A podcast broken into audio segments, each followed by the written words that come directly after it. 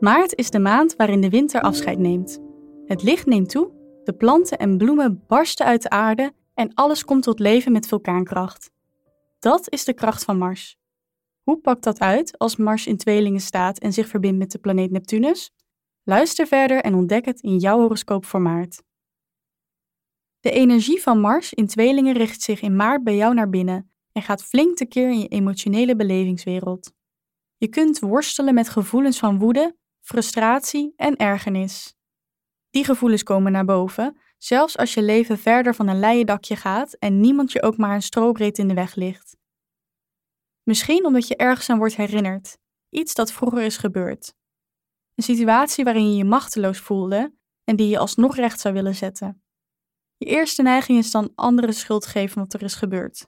Misschien is dat terecht, maar je hoeft niet toe te geven aan die machteloosheid. Je kunt leren ontspannen, dwars door je woede heen, met ademhalingstechnieken bijvoorbeeld. Neptunus werkt gelukkig in je voordeel. Hij versterkt de kwaliteiten van vissen en helpt je om overgave en rust te vinden, dwars door de emotionele stormen heen. Het bereik van een soort transcendentie. Reken op een maand waarin je stemmingen erg snel en heftig kunnen fluctueren, maar waar aan het einde de balans naar de positieve kant zal doorbuigen. Dat geldt wel zolang jij goed voor je emotionele welzijn zorgt. Bedankt voor het luisteren. Wil je je maandhoroscoop nooit meer missen? Vergeet dan niet om je te abonneren op ons kanaal. Liefs, happiness.